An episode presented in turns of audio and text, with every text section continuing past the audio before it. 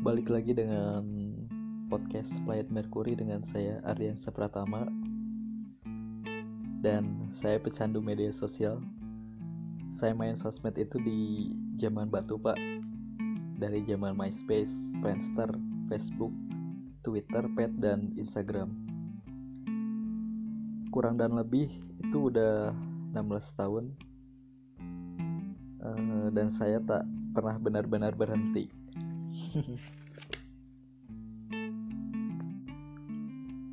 Dikutip dari jurnal dan artikel ada tiga dampak negatif dari media sosial yang dirasakan banyak orang. Satu, jadi membandingkan hidup kalian dengan orang lain.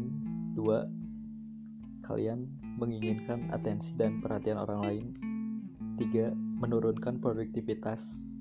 Menariknya adalah saya tidak ngerasain itu pak kenapa karena ketika saya main sosmed ketika saya melihat teman saya bahagia teman saya achieve sometime gue ikut senang oke saya suka foto saya di like tapi saya sadar belakangan ini ya udah bukan gue yang itu cari pak kata pepatah jika sesuatu hal terlalu nikmat untukmu, maka kamulah produknya.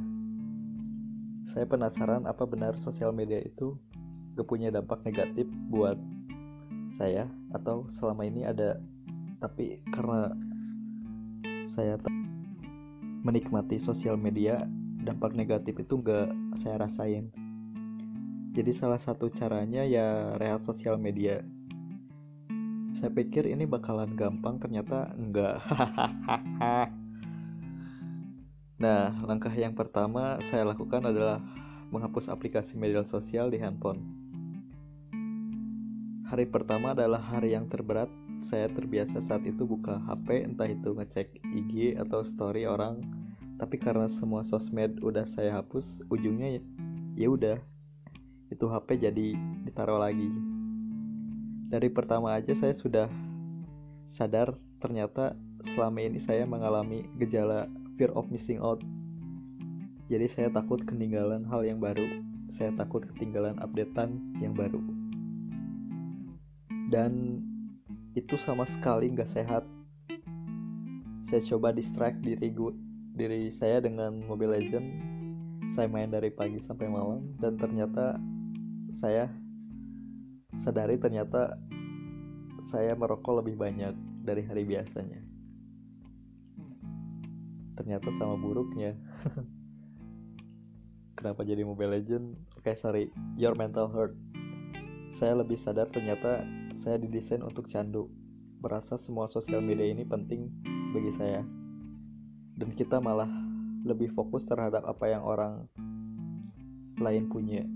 Apa yang mereka highlight kita hanya scrolling menonton orang lain menjalani hidup mereka, membandingkan diri kita dengan orang lain, merasa tidak punya cukup waktu untuk melakukan sesuatu. Oke, okay, kita coba kurangi sedikit-sedikit ya. Bye, give me high five. Cheers.